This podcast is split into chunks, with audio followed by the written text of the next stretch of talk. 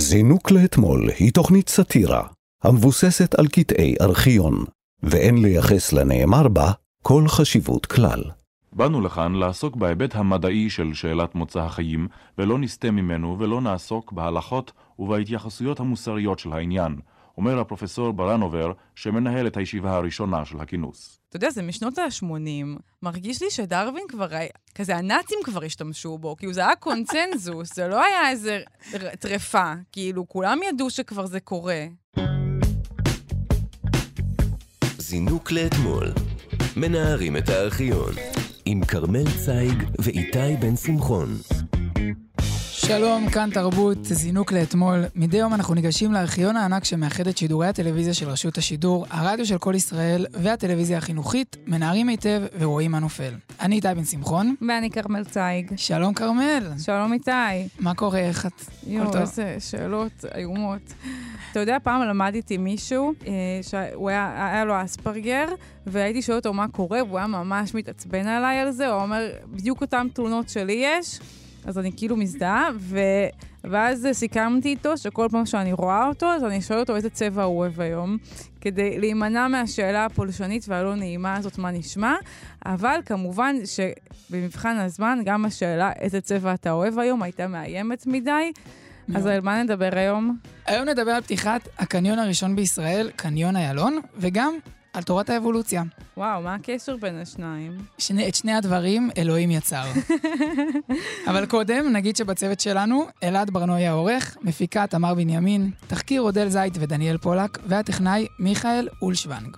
אפשר להאזין לנו מתי והיכן שאתם רוצים בהסכת שלנו, זינוק לאתמול, שזמין באפליקציה ובאתר כאן, ובכל יישומוני ההסכתים, וגם באתר כאן ארכיון. שם תוכלו גם לראות חלק מקטעי הוידאו שאנחנו משמיעים. אם אתם רוצים להגיב או לבקש קטעים שנשדר כאן, אפשר לכתוב עלינו דרך הפייסבוק, זינוק לאתמול. בואו נתחיל. זינוק לאתמול. מנערים את הארכיון.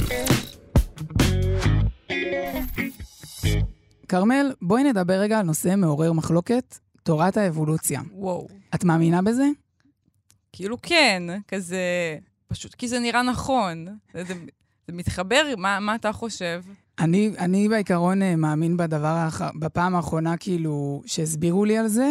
אם מישהו שלא מאמין בזה הסביר לי על זה, אז אני אאמין לו, ואם מישהו שהאמין בזה הסביר לי, אז אני אאמין לו. הפעם האחרונה שהסבירו לי על תורת האבולוציה זה היה כש... מישהי אמרה לי שאנחנו אוהבים בוטנים ובמבה, כי אנחנו מהקופים.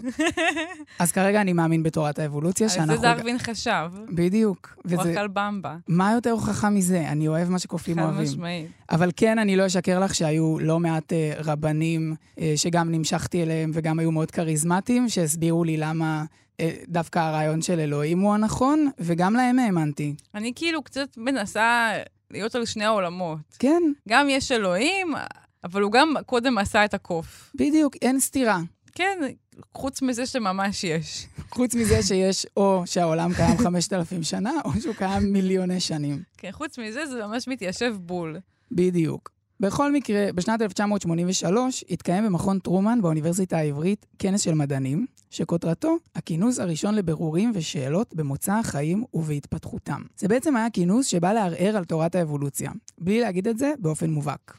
אני כאילו מרגישה שהם קוראים לעצמם הכינוס הראשון, וכאילו איזה מתגאים בחדשנות של לערער על תורת האבולוציה, אבל כל מה שעשו עד אז זה לערער, כאילו, הנורמה היה שאין אבולוציה ויש בריאה. נכון? צודקת. אבל לא עשו את זה בכינוס, זה פשוט הייתה דעה, דעה של כולם.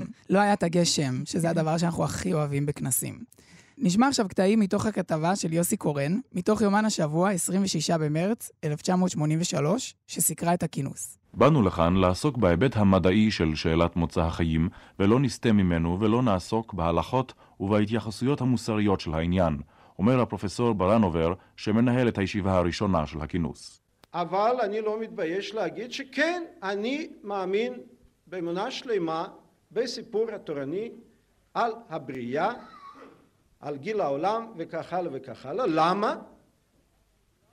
לא בגלל שמצאתי הוכחות מדעיות לעניינים האלו, אלא בגלל שלא מצאתי במדע שום דבר, במדע המודרני של היום, שום דבר שסותר את האמונה התורנית שלי. חד משמעית, הוא לא מצא הוכחות מדעיות שתומכות בתורה התורנית שלו. מה גם שתורה תורנית, הוא קרא לזה דעה תורנית, זה נשמע כמו משהו שעוברים, כאילו, זה התורני. זה לא נשמע כמו משהו מהתורה, נשמע כמו משהו זמני כזה, הוא לא נשמע לי רציני בנוגע לדעה התורנית שלו. בכללי, הוא לוקח שם הפסקה מאוד ארוכה בין, בין מה שהוא חושב כשהוא בא להציג אותו לבין באמת הדבר, ולא יודע, הוא לא נשמע לי כאילו הוא סגור על זה. הוא קצת נשמע שהוא בשלב הזה של הוויכוח, כשמתווכחים על אם יש אלוהים או לא, שאת אומרת, אה, את לא יכולה לראות את המוח שלך, אז גם הוא לא קיים. כזה, אם את לא יכולה לראות את המוח שלך, אז גם הוא לא קיים, ואם את לא יכולה לראות את אלוהים, אז גם הוא לא קיים. קצת נשמע שזה הטיעון. לא יודע, כל הכנס הזה קצת מרגיש לי כאילו, כמו השלב הזה שאת אה, אחרי ארוחת שישי, ואנשים רואים כזה, וואי, מה אם אנחנו לא רואים את אותם צבעים? כאילו, את רואה אפור, אבל אני רואה כחול, אבל שנינו קוראים לזה אפור. כאילו הם כזה, אתם כולכם מאמינים באותו דבר, נכון? שיש אלוהים ואתם מדענים. אז מה אתם הולכים לעשות בכנס? כאילו, מה, מה יקרה שם? טוב, בוא נשמע קצת אה, איזה הרצאות היו שם בכינוס המיוחל. המרצה הראשון, הפרופסור דומב, עלה זה לא כבר מבריטניה.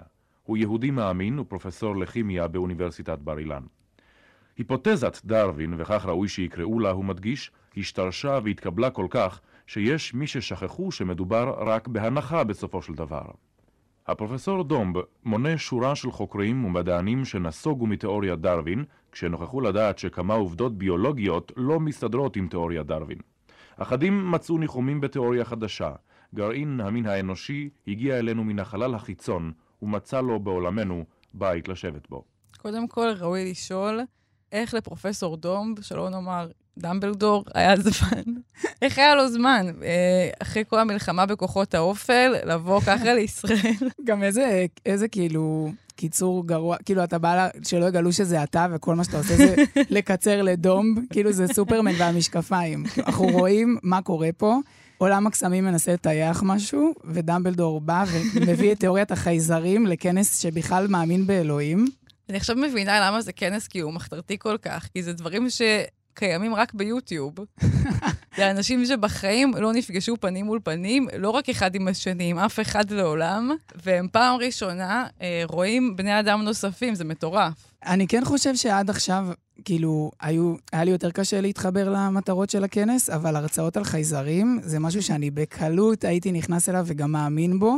אם הייתי יושב שם וכאילו פרופסור דום במרכאות היה פונה אליי ואומר שיש חייזרים, אבל באמת מרגיש שאין קו אחיד לכנס. הקו האחיד שלהם זה שנאת המן יותר מאהבת מרדכי, אני מרגישה. גם אהבתי שכאילו הוא נשמע בהתחלה הכי מדען, הוא כזה אומר, היפותזת דרווין. כן, כאילו, סאסי. ואז הוא, ואז הוא דופק לך את הקטע הזה עם החייזרים. לא, כי זה ממש, זה הוכח אמפירית. זה לא היפותזה. החייזרים, מישהו בדק ומצא, רפטיליאנים. הוא ראה סאוט פארק, אמר, הנה, זה הוכחה. אני ממש מתרגש להגיד לך שיש לנו עוד קטע של פרופסור יש, דום. יש. אז בואי נשמע אותו. הפרופסור תומך גם בדבריו של חתן פרס נובל, ארנסט צ'יין, שגם הוא לא מחסידיו של דרווין. It may be amusing for those engaged in the task to describe their fellow man as naked apes, and the less discriminating section of the public may enjoy reading about the comparisons between the behavior of apes and man. יש מי שימצא את הדבר משעשע להביט על חבריו סביב ולראות בהם קופים עירומים, מצטט דומב. אבל כך לא נגיע רחוק.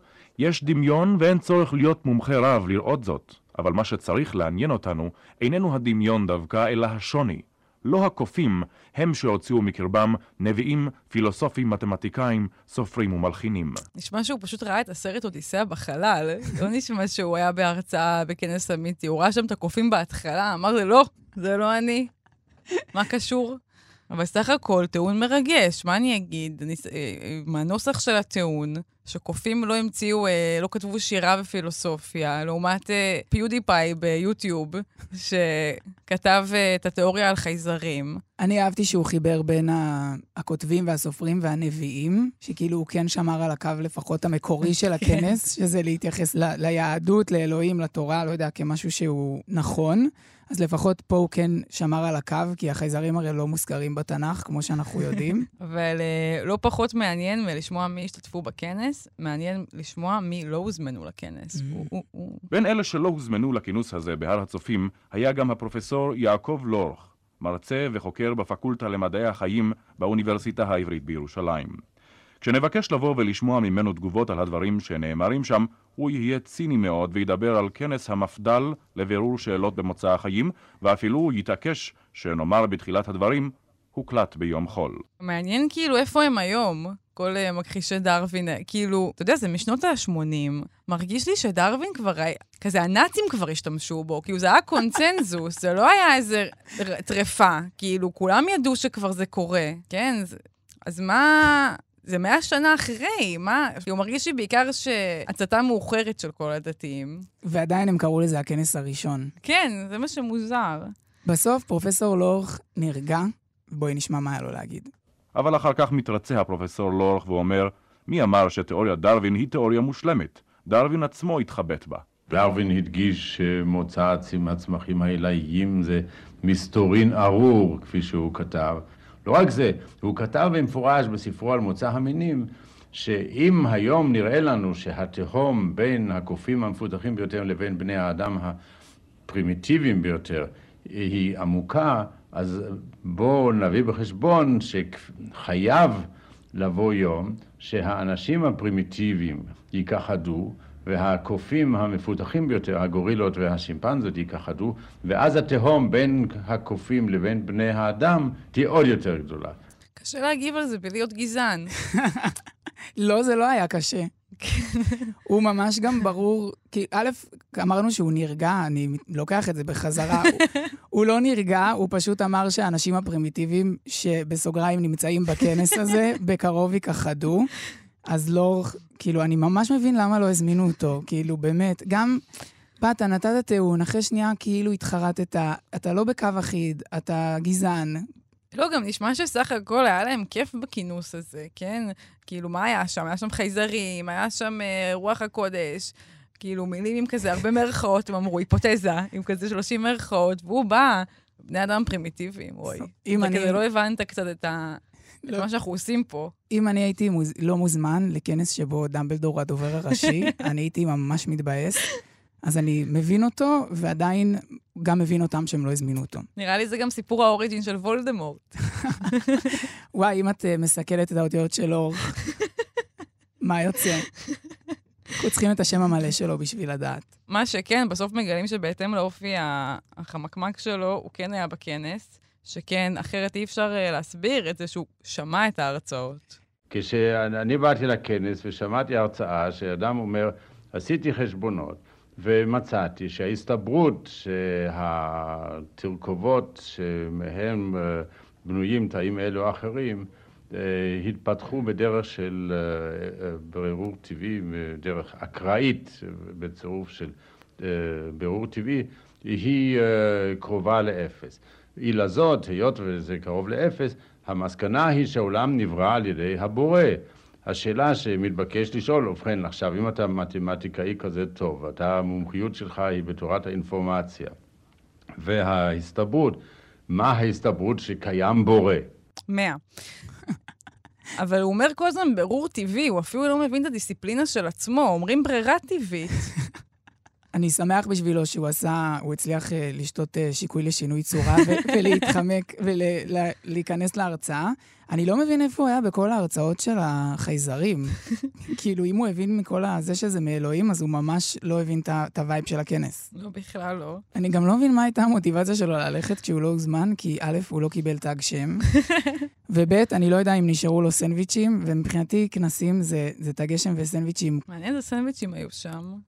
אווירה של כשרות אבל. זינוק לאתמול. מנערים את הארכיון. אה, לא יודעת מה איתך, אבל החוויה הכי משמעותית שהייתה לי בקניון אה, בחיים הייתה ממש לפני 30 שניות, כשגיליתי שאומרים קניון ולא וואו. קניון. ואני לא אשכח את זה לעולם. אני חושבת שאני אפילו אספר על זה לילדים שלי. אני מקווה שהם יאזינו לפודקאסט הזה וידעו. את אוהבת uh, קניונים? את נהנית? אה, כפי שאתה יודע, אני אוהבת רק את הסנטר.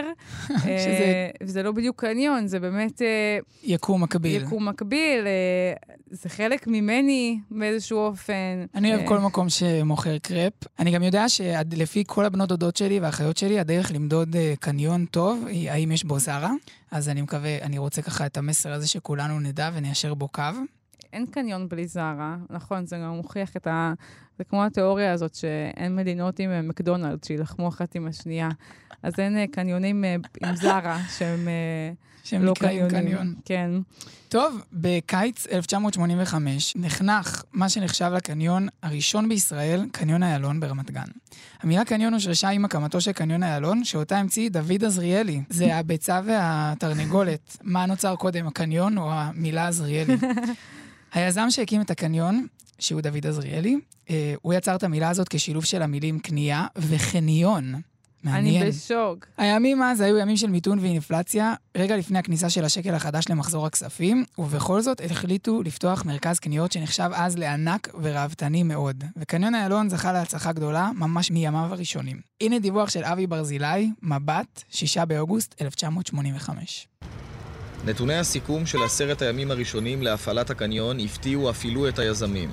בכל יום חול באו לכאן כ-60 עד 80 אלף איש, במוצאי שבת מדברים על 100 אלף. מגרש החנייה ובו כ-1,300 מקומות נסתם בסמוך לשעת הפתיחה.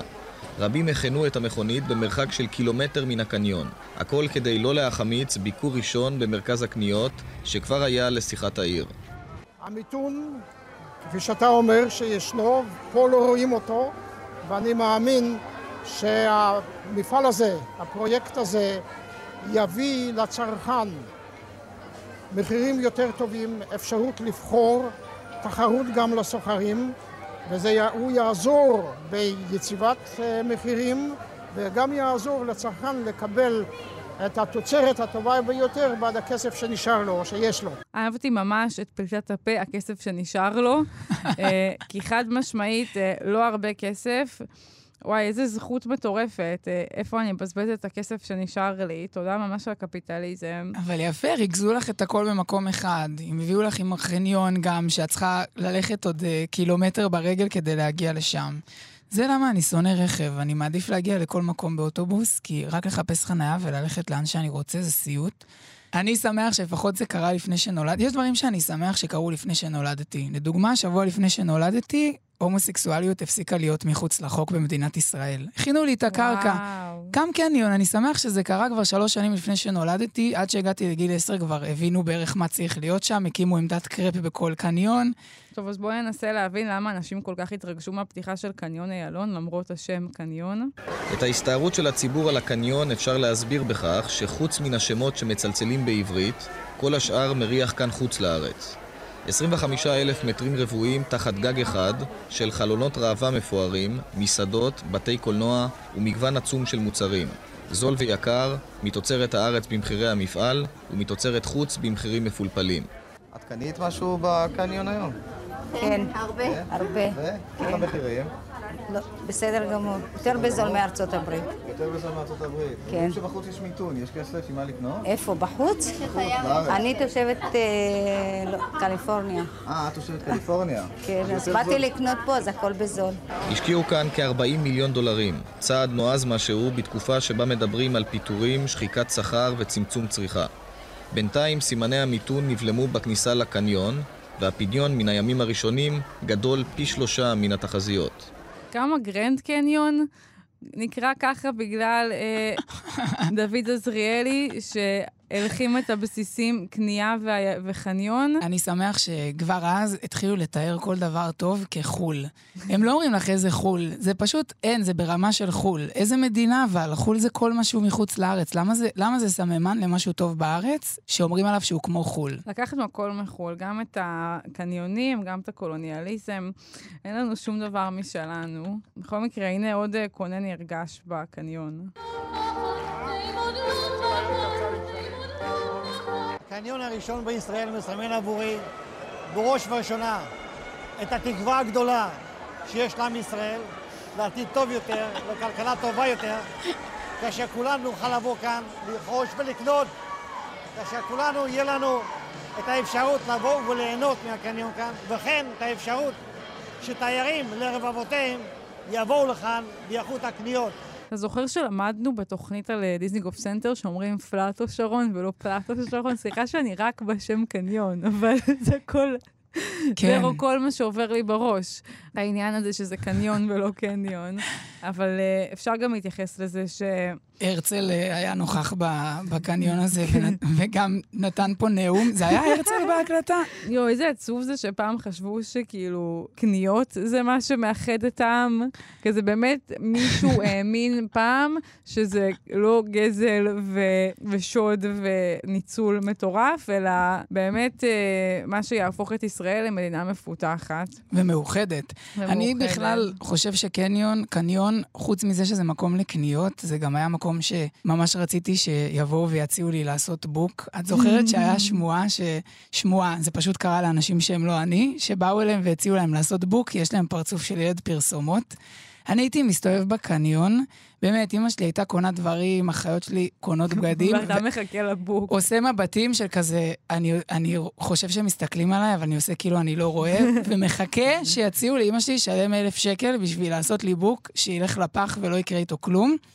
וממש נעלבתי שכל הילדות שלי זה לא קרה. אני הייתי מציעה אם הייתי רואה אותך בקניון. בגלל באמת שאני מאמינה רק בסנטר ולא בקניון איילון, אז כל מה שמדברים פה על קניות, פשוט זה לא איך שאני חווה קניון. כי אני חווה קניון בתור מקום... אה, לעשות בו פירסינג כשאת כועסת על אימא שלך, ממ.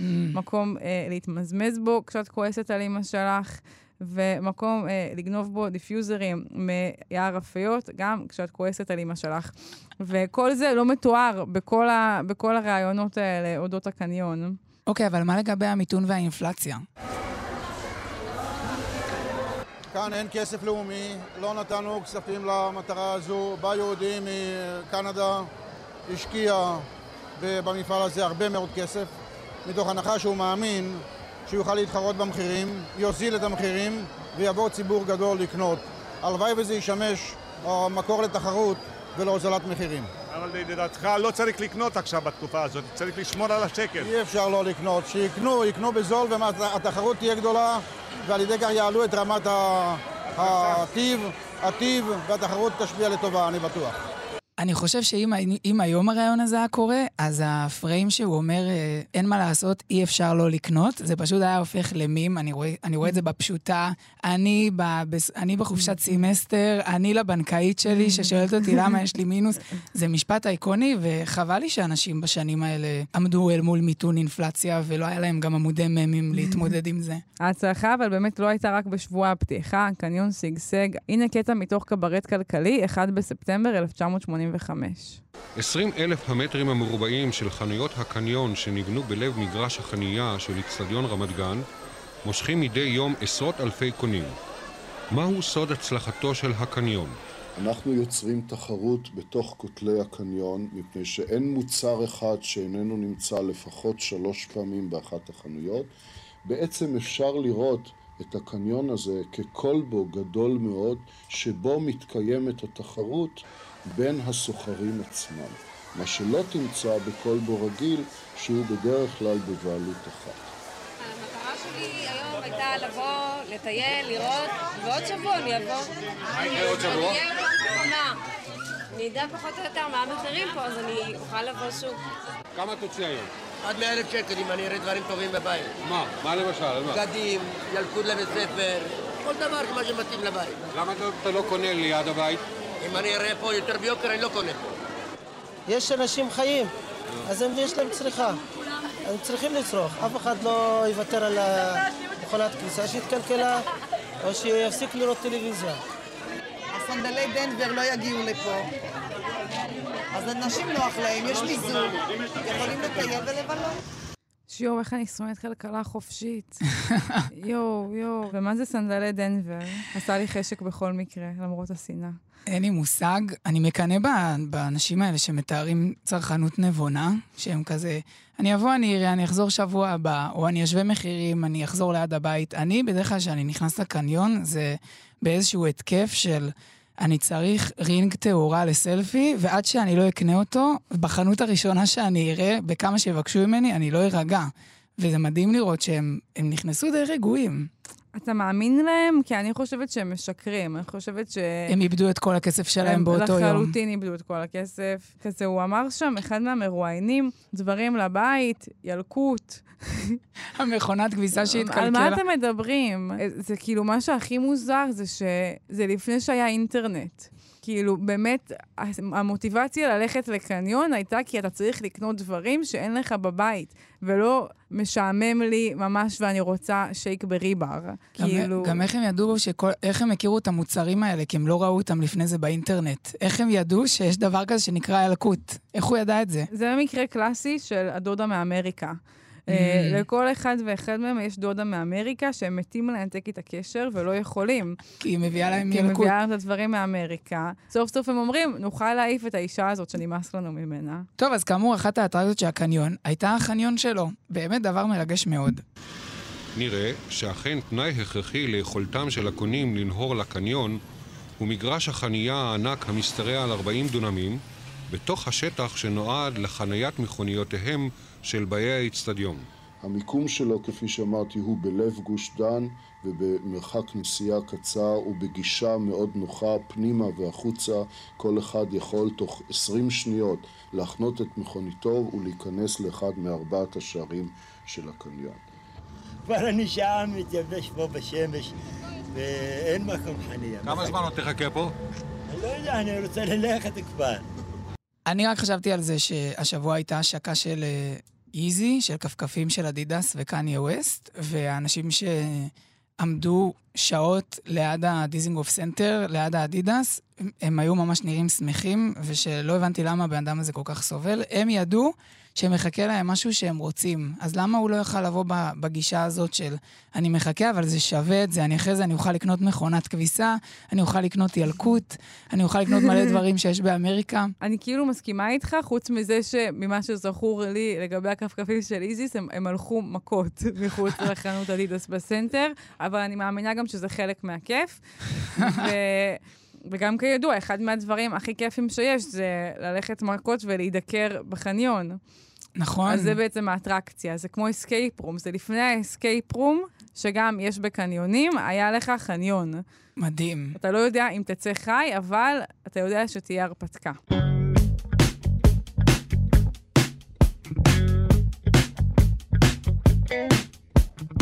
עד כאן זינוק לאתמול להיום. תודה לצוות שלנו, תודה לעורך אלעד ברנוי, למפיקה תמר בנימין, לתחקירניות אודל זייט ודניאל פולק, ולטכנאי מיכאל אולשבנק. אפשר להאזין לנו מתי והיכן שאתם רוצים בהסכת שלנו זינוק לאתמול, שזמין באפליקציה ובאתר כאן ובכל יישומוני ההסכתים, וגם באתר כאן ארכיון. שם תוכלו גם לראות חלק מקטעי הוידאו שאנחנו משמיעים. אם אתם רוצים להגיב או לבקש קטעים שנשדר כאן, אפשר לכתוב לנו דרך דף הפייסבוק זינוק לאתמול. תודה רבה, איתי. תודה, כרמל. ניפגש בפרק הבא. זינוק לאתמול.